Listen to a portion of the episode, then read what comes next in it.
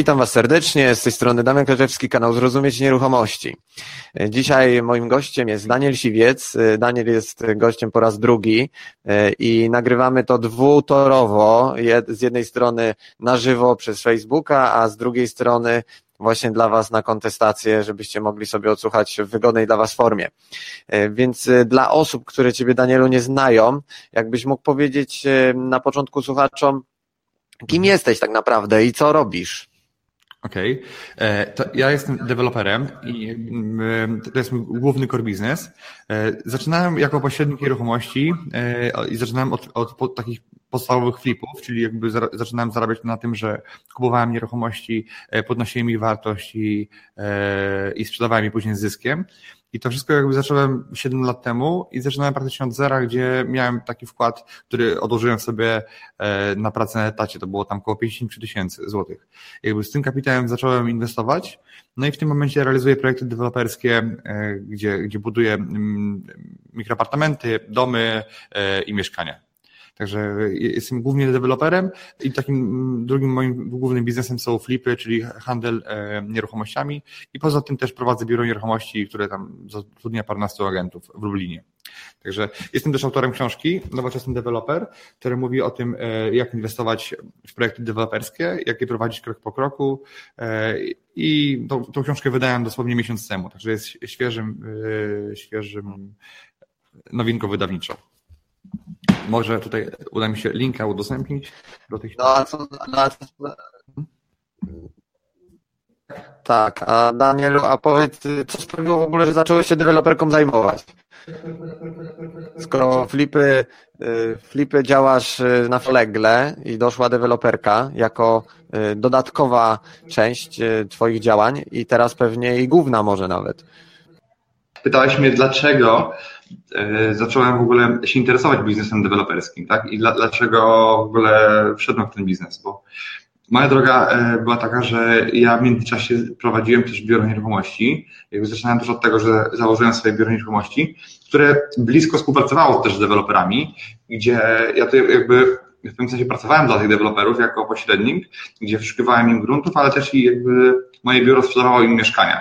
Więc jakby ja ten biznes widziałem dosyć od środka, z drugiej strony takiej od strony tego, ile wpływa, e, ile wpływa pieniędzy e, z punktu widzenia klientów i jak ten biznes funkcjonuje. I o tyle mi było prościej później e, go budować. Druga, drugi powód był taki, że ja robiłem flipy i w pewnym momencie tak się rozpędziłem z tymi flipami, że zorientowałem się, że nie ma zbyt dużej i takiej podaży do, mm, odpowiedniej do tego, żeby skalę zwiększać w nieskończoność. Czyli nie, nie, byłbym, nie byłbym w stanie kupować tych nieruchomości E, tyle, żeby zwiększać skalę i ten biznes, żeby rósł w szybkim tempie. Także nie byłem w stanie kupować więcej niż 4-5 mieszkań miesięcznie, okazyjnych, bo normalnie byłem w stanie kupować, ale chodzi o to, żeby kupić okazyjnie mieszkania. Dlatego pomyślałem sobie, że biznes deweloperski to jest taki biznes, gdzie można kupić tak naprawdę jedną, y, jeden, jedną działkę i wybudować na nim od razu paręnaście czy kilkadziesiąt mieszkań.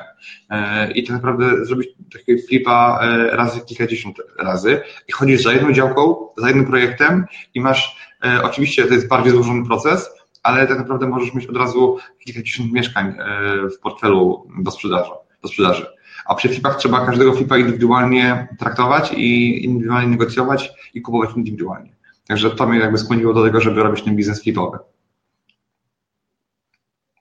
No właśnie i te no tendencje, które są e, w ogóle na rynku, kiedy, kiedy mamy tutaj właśnie e, żeby mieszkania kupować okazyjnie, bo tak dużo nieraz już jest tych inwestorów na rynkach lokalnych, no pokazuje alternatywy. I, i tą alternatywą u Ciebie akurat jest deweloperka. E, i no, zdecydowałeś też opisać się ten proces y, w jakimś stopniu, chociaż y, takim, żeby naświetlić, jak on wygląda właśnie w tej nowej książce. Jakbyś mógł przybliżyć, o czym książka konkretnie jest, bo ona się zasadniczo różni od nowoczesnego inwestora i jak czytałem obie, to y, ciężko jest je porównać, bo i nawet pod kątem merytorycznym są różne, pod kątem tematycznym, no to już natomiast jakbyś powiedział tak y, i z jednej strony zachęcając, ale przybliżając jakby temat tej drugiej książki, bo ona jest y, o tyle ciekawa, że właściwie nie ma książki typowo poradnikowej z przełożeniem na prosty język, jak inwestować w projekty deweloperskie w ogóle na mhm. półkach księgarskich. Tak, mm, dokładnie. Ja też zauważyłem, e, jak sam chciałem się doszkalać e, w tym zakresie, to zauważyłem, że nie ma zbyt wiele możliwości do tego. Nie, nie było szkoleń żadnych na, na ten temat ale też jakby nie było żadnych yy, podręczników, także to jest dosyć duża nisza, a, a dwa, że deweloperzy, którzy to robią od lat, nie do końca chcą się dzielić tą wiedzą, ale też jakby nie, nie, nie do końca też mają na to czas i im się chce to robić. I pomyślałem sobie, no, że skoro ja, ja tą wiedzę jakby czerpałem od innych ludzi, czy od moich wspólników na przykład, czy, od, czy z samego doświadczenia swojego, to pomyślałem, że no, ta książka znajdzie e, swoich odbiorców. I o czym jest ta książka? Tak? Ta książka jest, e, mówi o tym, jak ten biznes, e, jak ten biznes zacząć prowadzić, jak, e, od czego zacząć e, ten biznes, czyli jak szukać działki, e, gdzie tu są pewnego rodzaju niebezpieczeństwa jak jakby zaplanować ten cały proces e, inwestycyjny. Ja jestem generalnie deweloperem głównie e, sfokusowanym na mieszkaniówkę, czyli to jest jakby moja taka specjalizacja, bo wywodzę się z tej branży mieszkaniowej i tu na tym się znam, dlatego nie zamierzam jakby dotykać wszystkich innych dziedzin, typu magazyny, komercja i tak dalej, bo jakby no nie, nie, nie teraz na tyle mieszkaniówka jest dobrym rynkiem, że nie zamierzam szukać czegoś innego. E, I tutaj w tej książce pokazuję o tym, jak można nawet bez pieniędzy y, kupić działkę i jakby jak realizować te projekty deweloperskie w trochę inny sposób y, konwencjonalny niż się wielu osobom wydaje, że trzeba mieć nie wiadomo ile pieniędzy, żeby kupić ziemię, później żeby zacząć budowę i żeby budować e, cały projekt deweloperski. E, no, w oparciu o swoje pieniądze albo o nie wiadomo jak gigantyczne pieniądze. Jakby ja te mity bardzo często sobie przełamuję w, w tej książce i pokazuję, że tak naprawdę nie trzeba mieć tu gigantycznych kokosów i, i wielkich środków zgromadzonych na koncie, żeby w ogóle ten biznes ruszyć i żeby zacząć e, działać. Są osoby, które wyszły z etatu i po prostu zaczęły to robić, tak? Bo widziały pewną niszę i zaczęły od jednego domku, dwóch, a teraz budują tam już e, paręnaście naraz. E, no okej, okay, ale książka to jedno, Daniel. I teraz y, no, rynek, że tak powiem, y, śledzi również Twoje poczynania. Mhm. Sprawdzają ludzie, co Ty robisz, jak działasz i teraz dajesz im nasy, właściwie w jakimś stopniu chociaż przepis na to, że da się zarabiać na deweloperce w Lublinie i teraz ludzie, którzy Cię obserwują, no, są potencjalną konkurencją i dostarczasz im wiedzy i teraz y, de facto tą konkurencję sobie szkolisz. Jak ty do tego podchodzisz? Wiesz co, jeżeli chodzi o biznes deweloperski, to ja, ja, nie jestem gigantycznym deweloperem, który zajmuje połowę rynku i de facto każdy nowy podmiot y, jest dla mnie odczuwalny. Ja jestem raczej działam w mikroskali, bo tam działam na, na, y, na poziomie kilkudziesięciu milionów w Lublinie i generalnie są dużo, dużo więksi ode mnie i nawet jeżeli ktoś moich czytelników by kupił działkę po sąsiedzku, e, to generalnie jakoś bym tego nie odczuł i nie, nie uważałbym tego za jakąś konkurencję, czy jakieś naprawdę działanie szkodliwe dla mnie, bo zanim on yy, kupi tą działkę koło mnie, to ja już swoje sprzedam i swoje wybuduję i pójdę gdzieś indziej, w inne miejsce. To jest tak, że jakby ja się tej konkurencji nie boję, yy, bo rynek jest na tyle szeroki, że tutaj się wszyscy pomieszczą, tak? Także jakoś... Yy, aż tak bardzo, aż tak bardzo bym się tym nie, nie, nie sugerował. Poza tym wiele osób kupuje tą książkę e, w innych miejscach w Polsce, tak? Teraz nawet jeżeli się, nie wiem, powstanie pięciu nowych deweloperów w moim lokalnym rynku, no to generalnie jakoś bardzo tego nie czuję na kieszeni, tak? Bo zanim oni dojdą do momentu, kiedy ja jestem, w którym ja jestem, to minie też trochę czasu, więc ja już będę o wiele dalej. Także dlatego tak się, aż tak się nie przyjmuję. No i w ramach tych, tych działań e, są obecnie prowadzone, jak e, ja wiem, e, no, różne projekty, bardzo nieraz takie, bym powiedział, nowatorskie, bo one nie wyglądają, bym powiedział, standardowo, już na poziomie wizualizacji, no, czymś się wyróżniają i, i to jest takie wersyjne dla okolicy. E, i też dla ludzi e, powstający taki budynek, no to gdzieś tam e, z jednej strony albo ci zazdroszczą, albo chcą podłożyć nogę, żebyś nie poszedł dalej z procesem. Jakbyś mógł powiedzieć o takim jednym z tych projektów, które teraz realizujesz? Mhm. Znaczy, zawsze jest takie ryzyko, że ktoś, y, komuś się budynek, który ty zaprojektowałeś, nie będzie podobał i w jego opinii nie będzie się dobrze wpasowywał w, w środowisko naturalne, e, czy tam e, w okolice. I tutaj ja miałem taką sytuację, że, że po prostu zebrała się rada dzielnicy, czy, czy generalnie zebrało się jakieś towarzystwo, e, towarzystwo, które E, podpisało wniosek, żeby w ogóle tą moją budowę wstrzymać i że ona w ogóle nie pasuje do, do okolicy, no ale generalnie jeżeli plan miejscowy dopuszczał tego typu zabudowę, jeżeli pozwolenie zostało wydane legalnie i prawomocnie, no to nie ma podstaw do tego, żeby generalnie urząd uchylił to, to, to pozwolenie, tak? Więc jeśli to było wszystko zgodnie z prawem, no to też się nie, nie ma co obawiać, bo w tym momencie, jeżeli urząd by to co moje pozwolenie na budowę uchylił, to w tym momencie ja miałbym roszczenie odszkodowawcze w stosunku do, do urzędu e, o, e, o moje potencjalne zyski, których nie osiągnąłem przez właśnie złą decyzję, tak, i zainwestowane pieniądze. Także tutaj e, się tego e, myślę, że nie ma co bać, no chyba, że decyzja pozwolenia budowy jest po prostu mocno naciągana, no i ktoś zobaczy, że tam są nieprawidłowości, tak. No u mnie, u mnie było generalnie wszystko w miarę, u mnie mogą mieć pretensje mieszkańcy do włodarzy 10 lat temu, że uchwalali te, tego typu plan miejscowy. Także tutaj e, bardziej, bardziej o to chodzi. No jest to trochę stresujące, jest to trochę problematyczne, ale no to też nie ma co, nie ma co się tym denerwować. Ja bym sugerował osobom, które chcą dopiero zacząć wchodzić w ten biznes deweloperski, żeby robiły raczej takie standardowe projekty, które gdzieś tam nie są kontrowersyjne e, i że budowali domy tam, gdzie są domy, że budowali bloki tam, gdzie są, tam, gdzie są bloki, a nie gdzieś tam e, na przykład e, w, fabrykę wśród bloków, tak? No bo to zawsze będzie e, rodziło pewne niebezpieczeństwa i, i pewne e, problemy. No okej, okay. i teraz jakbyśmy mieli dać troszeczkę takiej wiedzy z zakresu e, tego, jak w ogóle podejść do tego tematu, no bo wiadomo, że książka to jest e, pewna teoria wymieszana z praktyką, tak żeby komuś dać e, część tej wiedzy, którą zdobywałeś ze swoich doświadczeń, no powiedz może, jak powinno się szukać działki, czyli tego terenu, który, no, na którym ma powstać ta inwestycja i, i właśnie jak, może taka mała inwestycja, nie jakiś duży teren, który by angażował bardzo duże środki, pomysły i, i, ludzi, bo wiele osób jakby chciało wejść w deweloperkę, no to w tym momencie e, poszukują e, czegoś na swoje siły i być może czegoś, co w ogóle są w stanie uciągnąć, więc jakby e, samo, samo szukanie działki jest no czymś kluczowym, żeby kolejne etapy poszły i zaraz do nich przejdziemy, tylko jakbyś mógł powiedzieć o samej działce. Mhm. To ja bym zaczynał od tego, że wiadomo, szukać w internecie, tak jak wszyscy e, szukają, to, to, to, nie, ma, nie ma z tym problemu, żeby, żeby szukać, ale czy to jest skuteczne? Raz tak, raz nie, ale jest na pewno mało efektywne.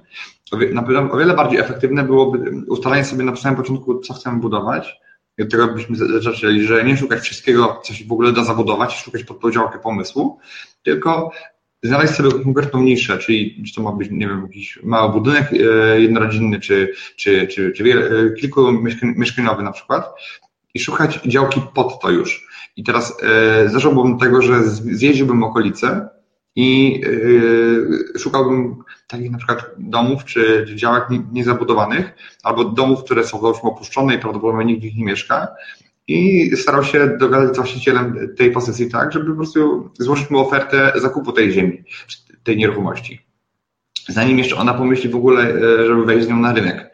I tak wielokrotnie się mm, też działo, tak, że, że to nie dostawałem coś z rynku, tylko sam jakby sam kreowałem tą podaż, jakby sam wywoływałem e, właściciela do tablicy i proponowałem mu, że kupię, od, odkupię od niego to, co on ma tutaj, tak, bo być może on teraz nie ma na to pomysłu, nie ma czasu, a skoro się trafia klient, to trzeba sprzedawać. Także e, ja, to, to jest jakby tak w skrócie powiedziane, jak, jak tą ziemię e, znaleźć, szukać najlepiej. I praktycznie mamy małą konkurencję, bo tej oferty nie ma na rynku i jesteśmy pierwsi, jesteśmy sami e, i możemy o wiele lepsze ceny wynegocjować. Po pierwsze też znaleźć dobrą działkę, tak, której, z się nie musimy z nikim konkurować ceną. Okej, okay, a jakie takie podstawowe dokumenty, co, co ty analizujesz na samym początku, żeby e, podczas tej rozmowy z tym właścicielem, jak już go znajdujesz, znajdujesz teren i, i wtedy co dalej? Okej, okay, takim pierwszym dokumentem, który, który, trzeba zweryfikować, albo pierwszymi dwoma dokumentami, to czy jest w ogóle miejscowy plan zagospodarowania przestrzennego, czy y, taka działka w ogóle y, ma, ma, taki dokument, czy, czy Rada Miasta przygotowała w ogóle, y, czy Rada Gminy przygotowała w ogóle uchwałę na, na temat miejscowego planu. A miejscowy plan to jest taki dokument urzędowy, z którego wynika, co można na konkretnej działce wybudować. Czyli można tam wybudować mieszkania, czy można wybudować domy, czy można wybudować komercyjne obiekty na przykład, tak? I jak wysokie budynki, jak, jaką ma, mają mieć szerokość, jaką mają mieć wysokość, jaki mają mieć dach. To wszystko właśnie reguluje e, ten plan miejscowy. Jeśli nie ma tego planu, a połowa działek w Polsce tego planu nie ma, to trzeba wystąpić o wniosek o warunki zabudowy, o decyzję o warunkach zabudowy, która stwierdza, e, czy można, tam się wtedy wpisuje, jakie mamy zamierzenie inwestycyjne, co my chcemy tam wybudować. I e, ta decyzja wydana pozytywnie stwierdza, że my faktycznie możemy wybudować tam taki budynek e, o takich parametrach technicznych, czy taką mieć wysokość, taką, tyle, taką ilość kondygnacji, też stwierdza, jaką mamy mieć powierzchnię zabudowy, jaką mamy mieć powierzchnię politycznie czynną, ile mamy mieć miejsc postojowych do jednego lokalu albo do konkretnych metrów kwadratowych powierzchni użytkowej. Także to są takie dwa budynki, takie dwa dokumenty, które trzeba sprawdzić. Czyli jeżeli jest plan miejscowy, to sprawdzamy plan miejscowy. Jeżeli nie ma tego planu, to czy właściciel ma taką decyzję o warunkach zabudowy? Jeśli nie ma, to my musimy o to wystąpić, ale dobrze by było wcześniej działkę sobie zablokować, na przykład umową przedstępną, żeby nie było takiej sytuacji, że my sobie, my jakby uzyskamy warunki zabudowy, jako potencjalnie kupujący, a właściciel e, przez ten miesiąc, dwa czy pół roku e, do niego przyjdzie inny inwestor, który załóżmy te nasze warunki zabudowy będzie chciał wykorzystać e, i dogadując się z nim. Czyli warto by było na samym początku taką działkę zabezpieczyć, umowę przedstępną warunkową, że w przypadku gdyby uzyskał warunki zabudowy, które mnie interesują, na przykład, nie wiem, na zabudowę pod bloki, pod bloki mieszkaniowy, no to wtedy y, mogę tu działkę kupić i mam ją zabezpieczoną. Tak? W przypadku, kiedy urząd mi wyda odmowę, to ja wtedy nie muszę tej działki kupować i wtedy się rozchodzimy e, bez konsekwencji dla obu stron. Jeśli o takie kolejne dokumenty, no to, y, to, to, są, to trzeba sprawdzić po prostu gestorów e, sieci, czy, czy działka ma dostęp do, do mediów, tak? czy ma dostęp do tych mediów, które są niezbędne, e, jak prąd, prąd i woda bo z gazem, gaz to nie jest jakby wymóg i, i jakby kanalizacja sanitarna to też nie jest, to też nie jest wymóg, e, można to inaczej rozwiązać, ale wiadomo, że im ma więcej mediów, czyli jak ma gaz budynek, ale, albo też ma na przykład cieplik miejski, albo ma kanalizację sanitarną, to wtedy wiadomo, że działka jest wiele bardziej atrakcyjna, bo sprzedawać domki z szambem można, ale nie jest tak łatwo jak sprzedawać na przykład domki z kanalizacją taką normalną miejską. E, I co jeszcze? De facto trzeba by było policzyć, ile dana działka, jakie możliwości zabudowy. Czyli to, że ma plan miejscowy albo warunki zabudowy, to jest jedno ale ile można wybudować na, e, na tej działce metrów kwadratowych, czyli ile można pumów wybudować, to już jest druga całkowicie inna sprawa. Czyli dobrze by było, żeby albo potrafić to liczyć sobie, tak ja tego uczę na, na moich warsztatach, albo po prostu poprosić projektanta o to, żeby zrobił nam analizę chłonności, czyli dać mu działkę, dać mu działkę, dać mu mapę i da, dać mu decyzję o warunkach zabudowy albo plan miejscowy i powiedzieć, stary, policz mi, ile tutaj można wybudować mieszkań, czy ile można wcisnąć domów, szeregowców, czy czegokolwiek chcesz zrobić, bo od tego zależy, ile naszych ludzi działkę damy. Bo deweloper, on nie kupuje działki e, przez pryzmat metrów kwadratowych ziemi, czyli płaci za metr, nie wiem, 100, 200, 500 zł, tylko deweloper płaci za konkretne metry, które może wybudować dopiero na tej ziemi. Czyli on nie płaci, jak ma działka 1000 metrów, a może wybudować 500 e, metrów, na przykład bloku, mini bloku, no to on zapłaci za tą działkę dwa razy więcej, jeśli y, będzie mógł budować tysiąc metrów bloku, tak? Więc on patrzy y, nie z punktu widzenia wielkości działki, tylko z punktu widzenia jej możliwości zabudowy. I to są takie podstawowe rzeczy, tak, które, które trzeba wziąć pod uwagę mm, inwestując w deweloperkę, tak, i jakby kupując działkę. E, no a powiedz jeszcze taką rzecz. E, w związku z tym, że no masz jakąś swoją strategię, którą przyjmujesz na e, cały proces inwestycyjny w stosunku do danego projektu, to jak ty go sobie układasz? Od właśnie, tak jak opisałeś, zakup działki i co należy sprawdzić, to co robimy dalej? Co jest następnym krokiem, tak żeby to był proces taki logiczny, naturalny i nie nosił takich cech, bym powiedział, dużego ryzyka, tylko dlatego, że coś się tam pominęło albo nie wiedziało, jak się zabrać za kolejny etap po zakupie działki i sprawdzeniu, czy są media. Okej, okay, załóżmy, że mamy, mamy już taki, mamy już działkę, tak? Czyli mamy już działkę, więc ona jest wybrana, bądź to jest nasza działka, którą mieliśmy już w portfelu, no to zostaje nam teraz wybrać projektanta, który jest jakby kluczowym elementem zespołu dewelopera. I tutaj e, można powiedzieć m, największy błąd wybierając złego projektanta, bo wybierając złego projektanta, on wam może rozsypać e, większość inwestycji. Czyli po pierwsze wam zaprojektować coś zbyt długo, po drugie nie przewidzieć pewnych rzeczy, po trzecie zaprojektować wam za drogi budynek, po czwarte no może być z nim później problem. Bo, no więc jakby tutaj jest wiele, e, wiele, wielkie pole do tego, żeby projektant zepsuł krwi deweloperowi, albo też e, no, sporo rzeczy albo mu pomógł, jak jest dobry, albo mu sporo zaszkodził. Więc jakby trzeba dużą uwagę e, przyjąć do tego, że przykładać do tego, żeby wybrać dobrego projektanta.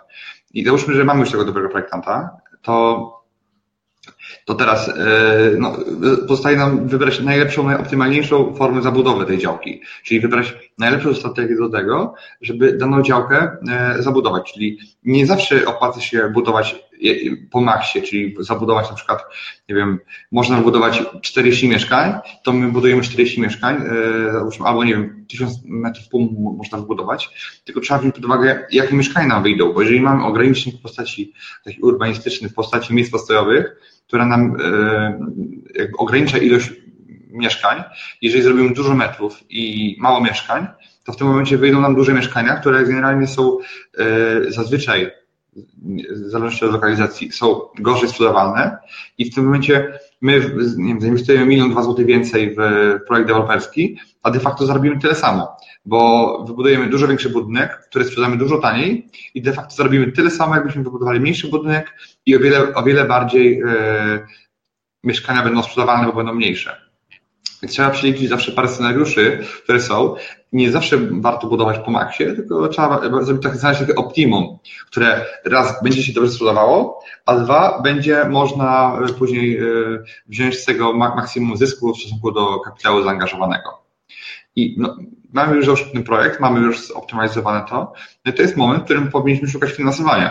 Czyli zastanowić się na temat tego, jak będziemy w ogóle finansowali te inwestycje. Mamy już kupioną działkę, załóżmy e, działkę kupujemy za gotówkę, albo też możemy kupić tą działkę dogadując się w odroczonym terminie płatności. Czy możemy się dogadać na przykład, że zapłacimy za działkę za dwa lata, e, za, no za dwa lata, bądź dogadamy się z właścicielem, że zaproponujemy mu więcej kasy, ale załóżmy w barterze, czyli damy mu na przykład dwa mieszkania, czy trzy mieszkania, cztery mieszkania w ramach rozliczenia e, i w tym momencie dogadując się w ten sposób, mamy automatycznie e, sprzedane mieszkania, czyli mamy wygenerowaną sprzedaż, ale też i mamy finansowanie na zakup działki de facto, więc bierzemy działkę, e, obiecujemy właścicielowi, że w zamian za to oddamy mu mieszkania, wszystko zapisujemy w akcie notarialnym i generalnie mamy już pierwszego finansującego naszą inwestycję.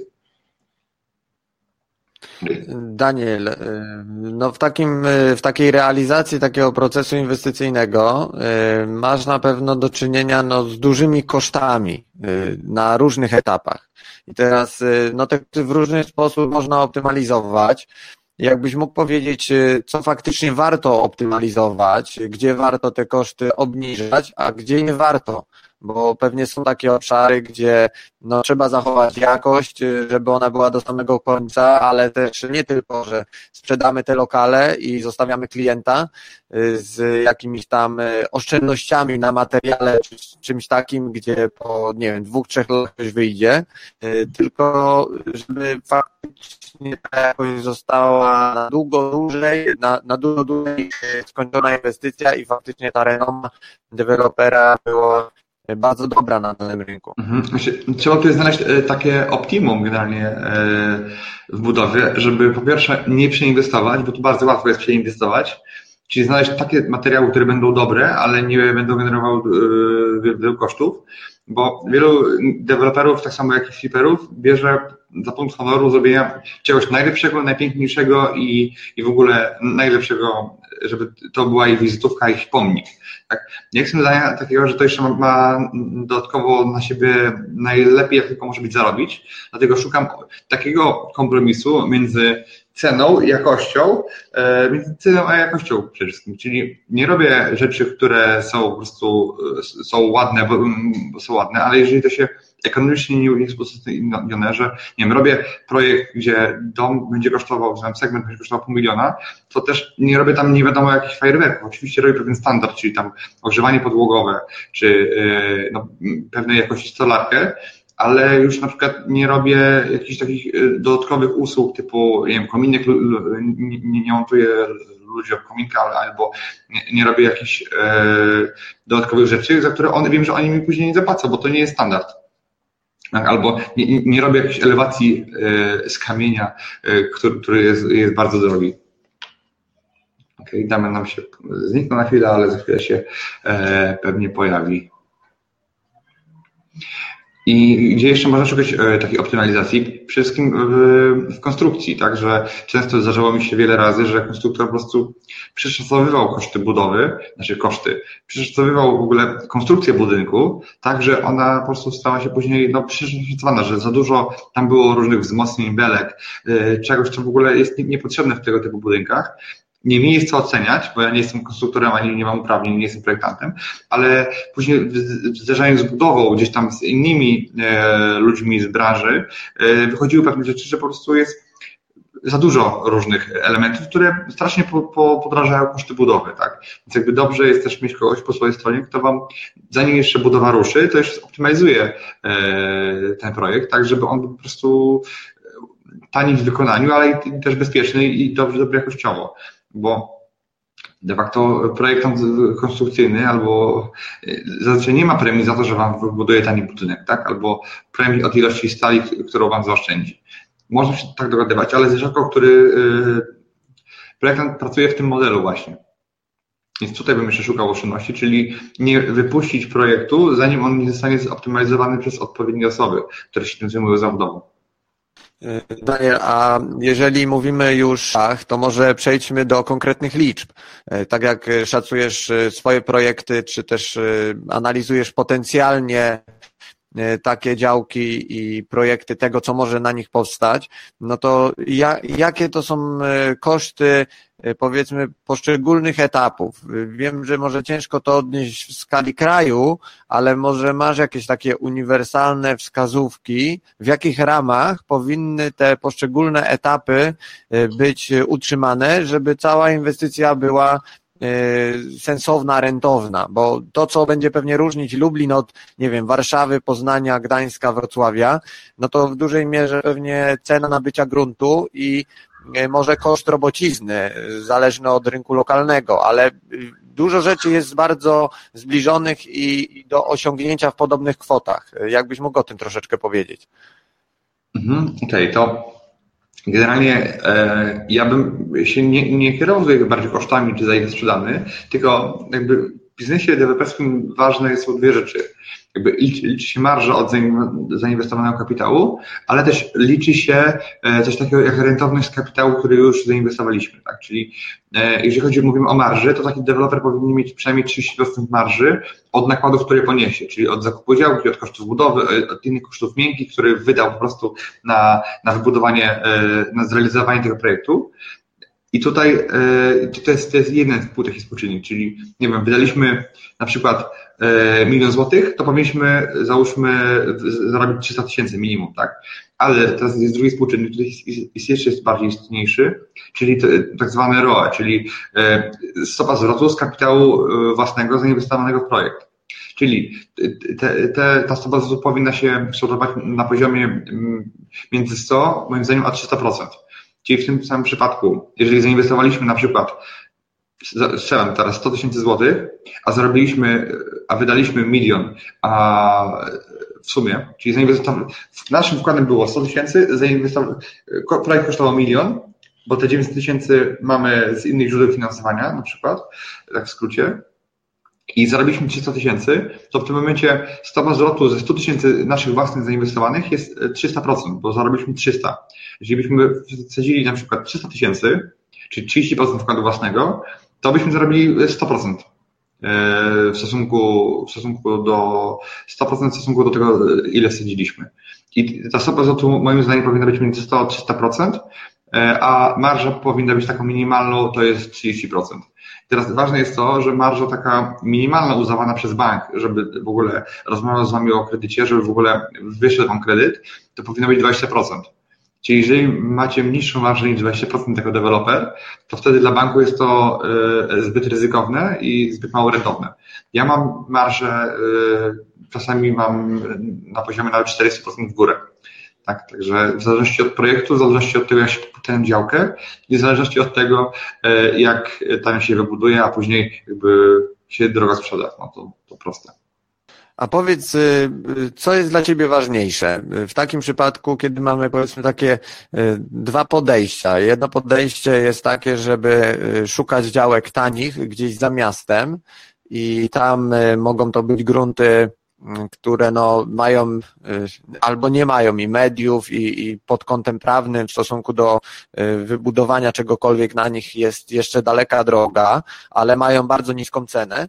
Y, czy wolałbyś podchodzić do tematu szybciej, ale na działkach, które są w mieście, są dużo droższe, no ale już są odpowiednio przygotowane. Jaką szkołę ty rekomendujesz?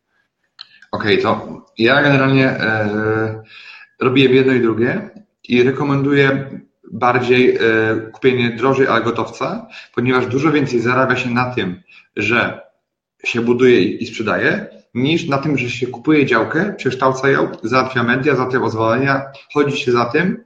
Oczywiście to jest mniej pracochłonne niż budowa, ale o wiele, nawet jak działka wzrośnie dwa razy na wartości, dzięki temu, że uzyskamy warunki zabudowy, uzyskamy przyłącza i wszystkie rzeczy pozałatwiamy, to jeszcze, to, to generalnie zarabiamy na tym dużo, dużo mniej, bo działka to jest około 10-15% wartości inwestycji, a, a marże dewelopera są o, o wiele, wie, wiele większe, dlatego skupimy się na tym, żeby kupować gotowy temat, teren pod budowę albo prawie gotowy teren pod budowę, a nie y, zagotować się w papierach, bo jeżeli nie robimy tego zawodowo, nie jesteśmy takim pośrednikiem albo takim kimś, kto zajmuje się zawodowo przekształcaniem działek, to możemy się ten proces zakopać nawet na parę lat i w ogóle nic nie zrealizujemy, tak? Nie zrobimy żadnych pieniędzy. Także ja bym raczej na początku e, wolał kupić gotowy temat, niż e, pchać się w przekształcenie działki, może kiedyś, może za ileś lat coś z tego będzie. Nie. To, to mogą sobie pozwolić nawet e, deweloperzy, którzy mają duże środki e, finansowe, żeby zablokować sobie teren na przyszłe e, budowy za 5-10 lat na przykład ale to też uważam, że nie jest najbardziej opłacalnym e, modelem działania, bo w tym czasie e, te pieniądze mogłyby już być konsumowane w innych projektach i już by były pomnożone e, dużo bardziej. Także ja uważam, że lepiej kupować bardziej gotowce i na nich działać, niż kupować takie poletka bez niczego, gdzie jest dużo więcej ryzyk też. No tak, czyli nastawiamy się na, na szybkość działania, bo y, też nie wiemy, jakie tendencje na rynku się pojawią, więc y, możemy je powiedzmy wyprzedzić i, i to ryzyko zniwelować. A y, w związku z tym, że no, mówimy tu o różnych sukcesach, czy też pro, projektach, które są w trakcie realizacji i one są dobrymi inwestycjami, ale mhm. powiedz, czy też miałeś jakieś swoje y, takie y, porażki inwestycyjne, miałeś, popełniłeś jakieś błędy, które y, no, gdzieś nauczyły cię tego, y, żeby już w to nie wchodzić, czy też na coś szczególnie uważać. Jakbyś mógł się podzielić y, z osobami, które nas i oglądają, i słuchają właśnie y, tymi błędami, które ciebie dotknęły. Okej, okay, to takim błędem, który popełniłem, to jest mm, to, że zbyt bardzo zaufałem projektantowi i na przykład teraz yy, podchodząc do tego tematu jeszcze raz, podchodziłbym ze swoim jeszcze bardziej pełną, e, pełnomocnikiem, tak jakby, tak, jakby, tak, takim swoim jakby prawnikiem, ale który jest tylko i wyłącznie moim inspektorem nadzoru od spraw technicznych, czyli, czyli kogoś, kto sprawdza projektanta, podchodem tego, czy to, co zaprojektował ma, ma wady, to, co zaprojektował ma na przykład e, jest w ogóle e, optymalnym rozwiązaniem, czyli jest tani w, w budowie i czy nie, nie ma pewnych tam pułapek, tak, bo, bo z punktu widzenia projektanta, jemu zależy, żeby jak najszybciej towar wypuścić, czy produkt wypuścić i wziąć swoje honorarium za projekt, projekt, tak? I to jest jakby, a twoim zadaniem jest to, żeby to też było szybko, ale z drugiej strony, żeby to było też taniej, taniej w budowie. Bo co z tego, że będzie szybciej o miesiąc, jak później będzie o 500 tysięcy drogie, droższe niż mogłoby być, tak? Jak się nad tym y, pochyli ktoś. Także, a wcale nie zmniejszając jakości tego budynku. I teraz e, no, kluczowa jest tu jakby wybór projektanta i jakby praca z tym projektantem i pilnowanie go. Czyli jak, jak kiedyś nie miałem kompetencji w ogóle, żeby zarządzać w ogóle takim projektantem, to jakby zostawiłem mu zbyt dużą wolną rękę do, do tego, żeby, żeby pewne rzeczy poustalał w moim imieniu Później musiałem gdzieś tam e, na budowie, e, załóżmy, odbiło mi się szkawką i musiałem to później zmieniać już na etapie, gdzie trochę było już późno na to, tak? Gdzie to było o wiele droższe i o wiele bardziej czasochłonne. Także ja bym e, tak do tego podszedł. I też skupiłbym się raczej na e, mniejszej ilości projektów, a, a bardziej takich soczystych, intratnych, niż jak miałem do tej pory pięć projektów, które realizowałem jednocześnie, co było trochę zbyt dużym obciążeniem dla mnie i dla mojego zespołu. E, dlatego teraz e, sprzedałem dwa projekty deweloperskie, teraz realizuję trzy, które są najbardziej wartościowe i najważniejsze dla mnie w tym momencie. Także to z takich moich fuck-upów, jeśli chodzi o deweloperkę. No a zanim przejdziemy jeszcze do takich krótkich pytań, e, które słuchacze zadali przed uruchomieniem wywiadu, e, to na sam koniec, jakbyś powiedział z tych Twoich e, ostatnich lat doświadczeń w biznesie deweloperskim, takie może trzy najważniejsze wskazówki, czy takie rady od Ciebie, jak tą przygodę deweloperską rozpocząć? Mhm. Okej. Okay. Trzy, tak? To po pierwsze no po pierwsze, e, takie trzy kroki, tak, może tak to, to, to przede wszystkim, żeby sobie ustalić na samym początku, co chcemy robić, czyli wiedzieć, za co się bierzemy, żeby nie było tak, że szukamy czegoś pod domy, pod mieszkania, pod, pod komercję, bo szukamy czegokolwiek, żeby zacząć budować. Nie, to, to musimy się sfokusować, żeby nie tracić czasu na nic innego.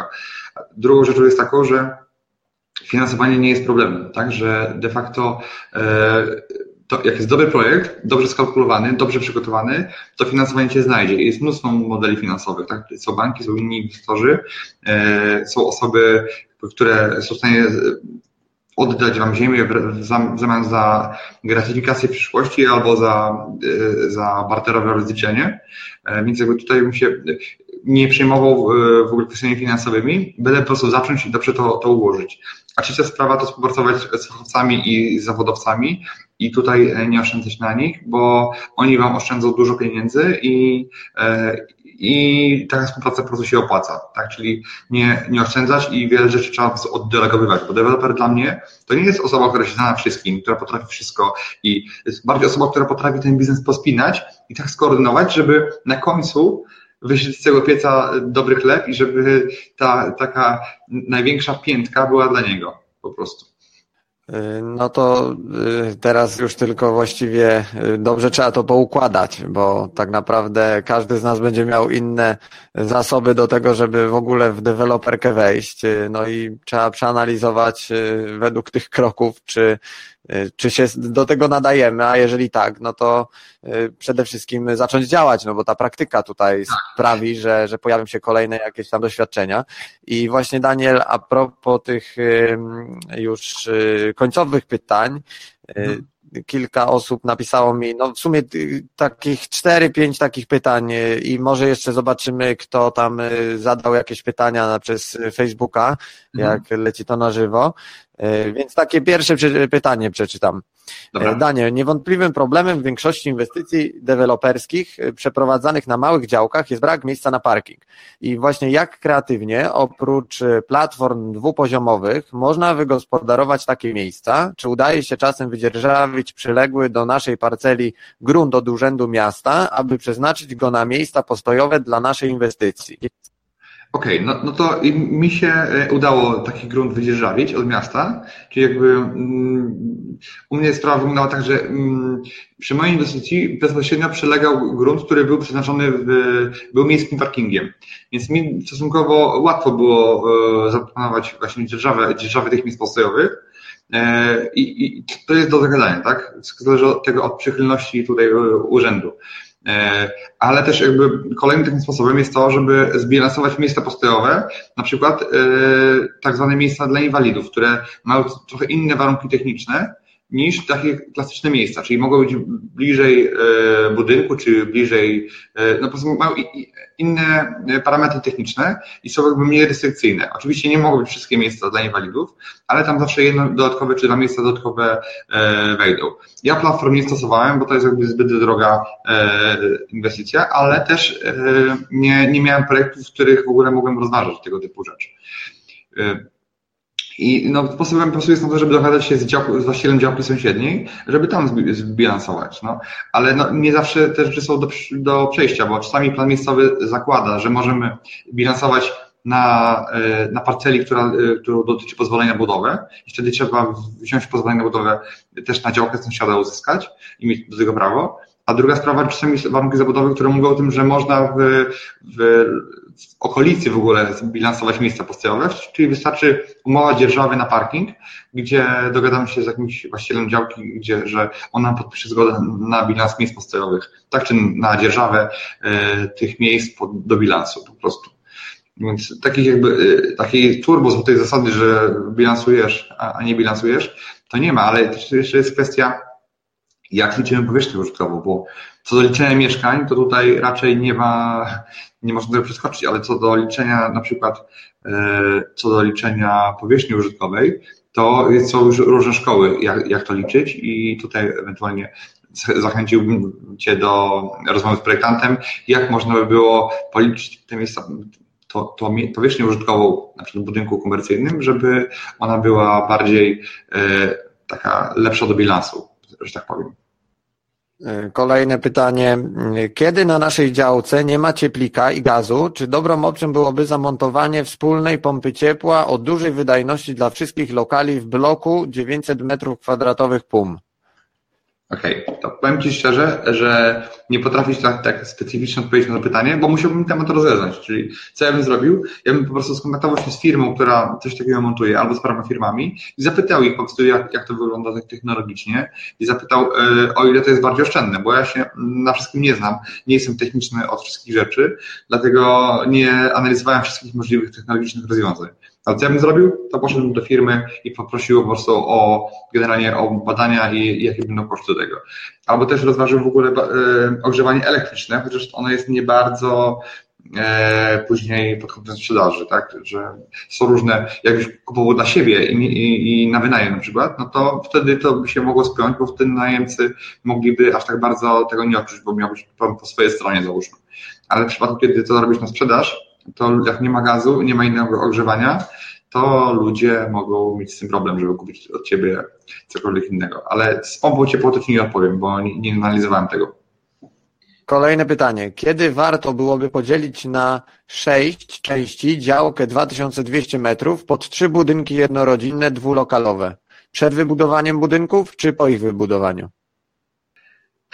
Wiesz co, oczywiście, że e, lepiej by było je zrobić e, wtedy możesz sobie etapować w ogóle, e, etapować e, całkowicie pozwolenie na budowę, czyli budować sobie działkę po działce.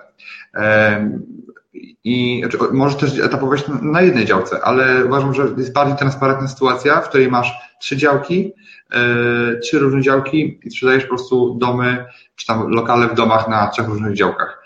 I teraz jeżeli powiem tak, ja robiłem i tak, i tak. I dzieliłem przed pozwoleniem i przed budową i, i teraz, teraz mam projekt, gdzie e, nie dzielę i buduję.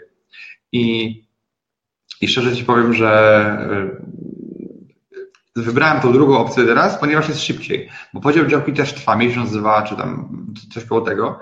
I żeby ten czas zaoszczędzić, po prostu ja nie dzielę, tylko jadę do przodu, a podzielę sobie po budowie. I tyle. Okej, okay. teraz pytanie o y, zakres finansowania. Czy faktycznie, aby przeprowadzić kompleksową budowę bloku w stanie deweloperskim za pomocą finansowania transzami z rachunku powierniczego otwartego wystarczyłoby, abyśmy posiadali kapitał na marketing, stworzenie umów, prospektów i rozpoczęcie jednego lub pierwszych dwóch etapów budowy? Tak, teraz musisz być dogadany e, z swoim wykonawcą na to, żeby były w stanie zacisnąć zęby i przeczekać ten okres w którym ty nie będziesz miał środków jeszcze. Bo bank uruchomi Ci transze w momencie, w którym będziesz miał zakończony jeden lub dwa etapy inwestycji. I uruchomić te, te transze od, od klientów. Dlatego musisz mieć tak skalkulowany model biznesowy, żeby być przekonanym, że ceny, które zakładasz, są okazyjne dla tych klientów, skoro robisz to tak jakby na styk na zakładkę. Czyli jeżeli nie masz finansowania z banku zewnętrznego, to dobrze by było, żebyś po prostu miał tak dobre ceny dla tych klientów, którzy kupią od Ciebie pierwsi, którzy sfinansują Ci ten pierwszy etap, żeby oni po prostu kupili to i płacili Ci kasę. W ten sposób. I dalej już pójdzie. Mhm. To pytanie było... To zobacz, może Mhm. Zobacz może, czy u siebie masz jakieś y, pytania, bo ja już ze swojej strony tyle. Okej, okay, ja mam takie pytanie od e, Dominiki. Jak oceniasz rynek deweloperski za 5 lat i biorąc pod uwagę wzrost stóp procentowych? E, no, ja się, ja się tego wzrostu stóp procentowych nie boję, bo kredyty, które mam, one to są krótkie kredyty i to nie są kredyty na, na 20 lat tylko to są kredyty takie deweloperskie, które są e, realizowane w ciągu roku czy dwóch. I teraz oczywiście, że jeżeli wstęp pójdą w górę, to koszt finansowania e, będzie rósł, i teraz, jeśli za 5 lat, de facto, no, rynek może być różny, może być całkowicie odwrotny, ale jest tak duży, duży popyt na, na mieszkania i jakby one się budują dużo i, i szybko, ale nie tak szybko, jak jest, y, żeby zaspokoić w ciągu 5 lub 10 lat zapotrzebowanie całkowite na mieszkania. No chyba, żeby pół Polski nagle wyjechało za, za granicę. No to, to się może stać, ale ja uważam, że jeżeli się y, nie robi kolosalnych projektów typu wielkie osiedla na kilka tysięcy mieszkań, no to tutaj e, takiego dużego ryzyka nie ma, bo jeżeli budujesz, kupujesz małe działki, budujesz plomby w dobrych lokalizacjach, to nieważne jaki byłby rynek, czy bardzo gorszy niż teraz, to jak masz fajny projekt, projekt i, i fajny produkt, to on zawsze znajdzie się e, swojej, swoich odbiorców, bo jeżeli będzie to dobrze, e, dobrze no, będzie dobra oferta, to zawsze ktoś się rozwodzi, ktoś umiera, ktoś, ktoś po prostu, te mieszkania zawsze będą rotowały. To nie jest tak, że nagle mieszkania staną i przez rok nie będzie żadnej transakcji. Zawsze będą transakcje, bo zawsze ktoś umrze i ktoś odziedziczy spadek. Mhm. No ale dobrze, z mojej strony tyle, więc y, jeżeli ja mam się rozłączyć, no to to jest ten moment, y, więc no dziękuję Wam za wysłuchanie, za Y, za, za to, że byliście dostępni o tak nietypowej porze, także y, Także pozdrowienia dla wszystkich i coś y, chcę Wam przekazać, no to słuchajcie, Daniela, bo ja już nic nie wiem, co się dzieje, więc jakby pod tym kątem się wyratowuję z tej audycji. Trzymajcie okay. się, hej. Okej, okay, to, to pozostaje jeszcze ja sam e, na wizji i chyba, chyba mnie widać, mnie słychać. Także dziękuję Wam bardzo za to, że byliście o tej godzinie porannej e, razem z nami, z Damianem na, na live. Mam nadzieję, że to, co mówiliśmy, było wartościowe e, dla Was. Także dajcie, dajcie też mi znać w komentarzu, jak Wam się podobało. Czy macie jakieś jeszcze pytania do mnie, to może w przyszłości będę w stanie na nie odpowiedzieć. Także dzięki wielkie za obecność i ja się rozłączam w takim razie. Na razie, cześć. Jeszcze na koniec chciałem dograć e, jeden wątek, bo już e, urwało nam e, ze względów technicznych tą wersję taką live'a przez Facebooka, więc chciałem Wam jeszcze powiedzieć, żebyście śledzili Daniela pod kątem jego takich poczynań z dzieleniem się wiedzą, bo wypuszcza właśnie taki swój nowy produkt Flipmeister i przez Facebooka będzie on dostępny do oglądania. Y, bodajże jutro jest premiera, więc y, także, także no, śledźcie jego profil y, i, i czerpcie wiedzę, którą on Wam oferuje. A ja ze swojej strony jeszcze chciałbym Wam powiedzieć, że już wiem, jakie są parametry mojej nowej książki parametry techniczne i kiedy mniej więcej już będzie wszystko udostępniane, więc na ten tydzień planowane jest uruchomienie przedsprzedaży y, z opóźnieniem, ale myślę, że warto było czekać, bo książka jest bardzo gruba, bardzo też y, no, konkretnie Y, było y, bardzo dużo pracy nad nią i bardzo konkretnie ona trafia w temat inwestowania w nieruchomości i, i go rozkłada na czynniki pierwsze, więc y, no całość ma 417 stron, słuchajcie, więc no było nad czym pracować, także wydawnictwo, które które to wszystko prowadzi, no bardzo mocno chciało się przyłożyć pod kątem jakościowym i też nie cisnąłem nikogo, żeby no w pośpiechu były realizowane poszczególne etapy. Zatem Książka właśnie będzie konkretna, gruba i ona będzie w przyszłym tygodniu już do kupienia. Natomiast wysyłka książki y, planowana jest między 5 a 10 grudnia, tak żebyście ze spokojem mogli ją otrzymać y, w tym okresie gorączki zakupów, y, w tym okresie świątecznym, tak żeby do każdego dotarła i na prezenty, i dla Was. Także myślę, że wszystko się uda w tych terminach y, dotrzymać. Jest już nagrana drukarnia, która się zajmie całym procesem y, druku i wysyłki. Są dograne osoby, które będą pakować, więc no wszystko jest już na dobrej drodze ku końcowi, więc myślę, że będzie warto poczekać jeszcze te kilkanaście dni, aż e, książka ujrzy światło dzienne, a będzie to naprawdę, naprawdę duże dzieło i, i no będzie o nim głośno, więc y, bądźcie cierpliwi i, i czekajcie na, na, na, ukazanie się jej. A ja Wam dziękuję za y, cierpliwość w ramach tego, tych różnych błędów technicznych, które się nam pojawiły z Danielem, jeżeli chodzi o to nasze nagranie, ale myślę, że też było dużo przydatnych informacji, które mogą Wam pomóc odnaleźć się w tym procesie inwestycyjnym, akurat w tym przypadku projektów deweloperskich. Także dzięki jeszcze raz, pozdrawiam, trzymajcie się, hej.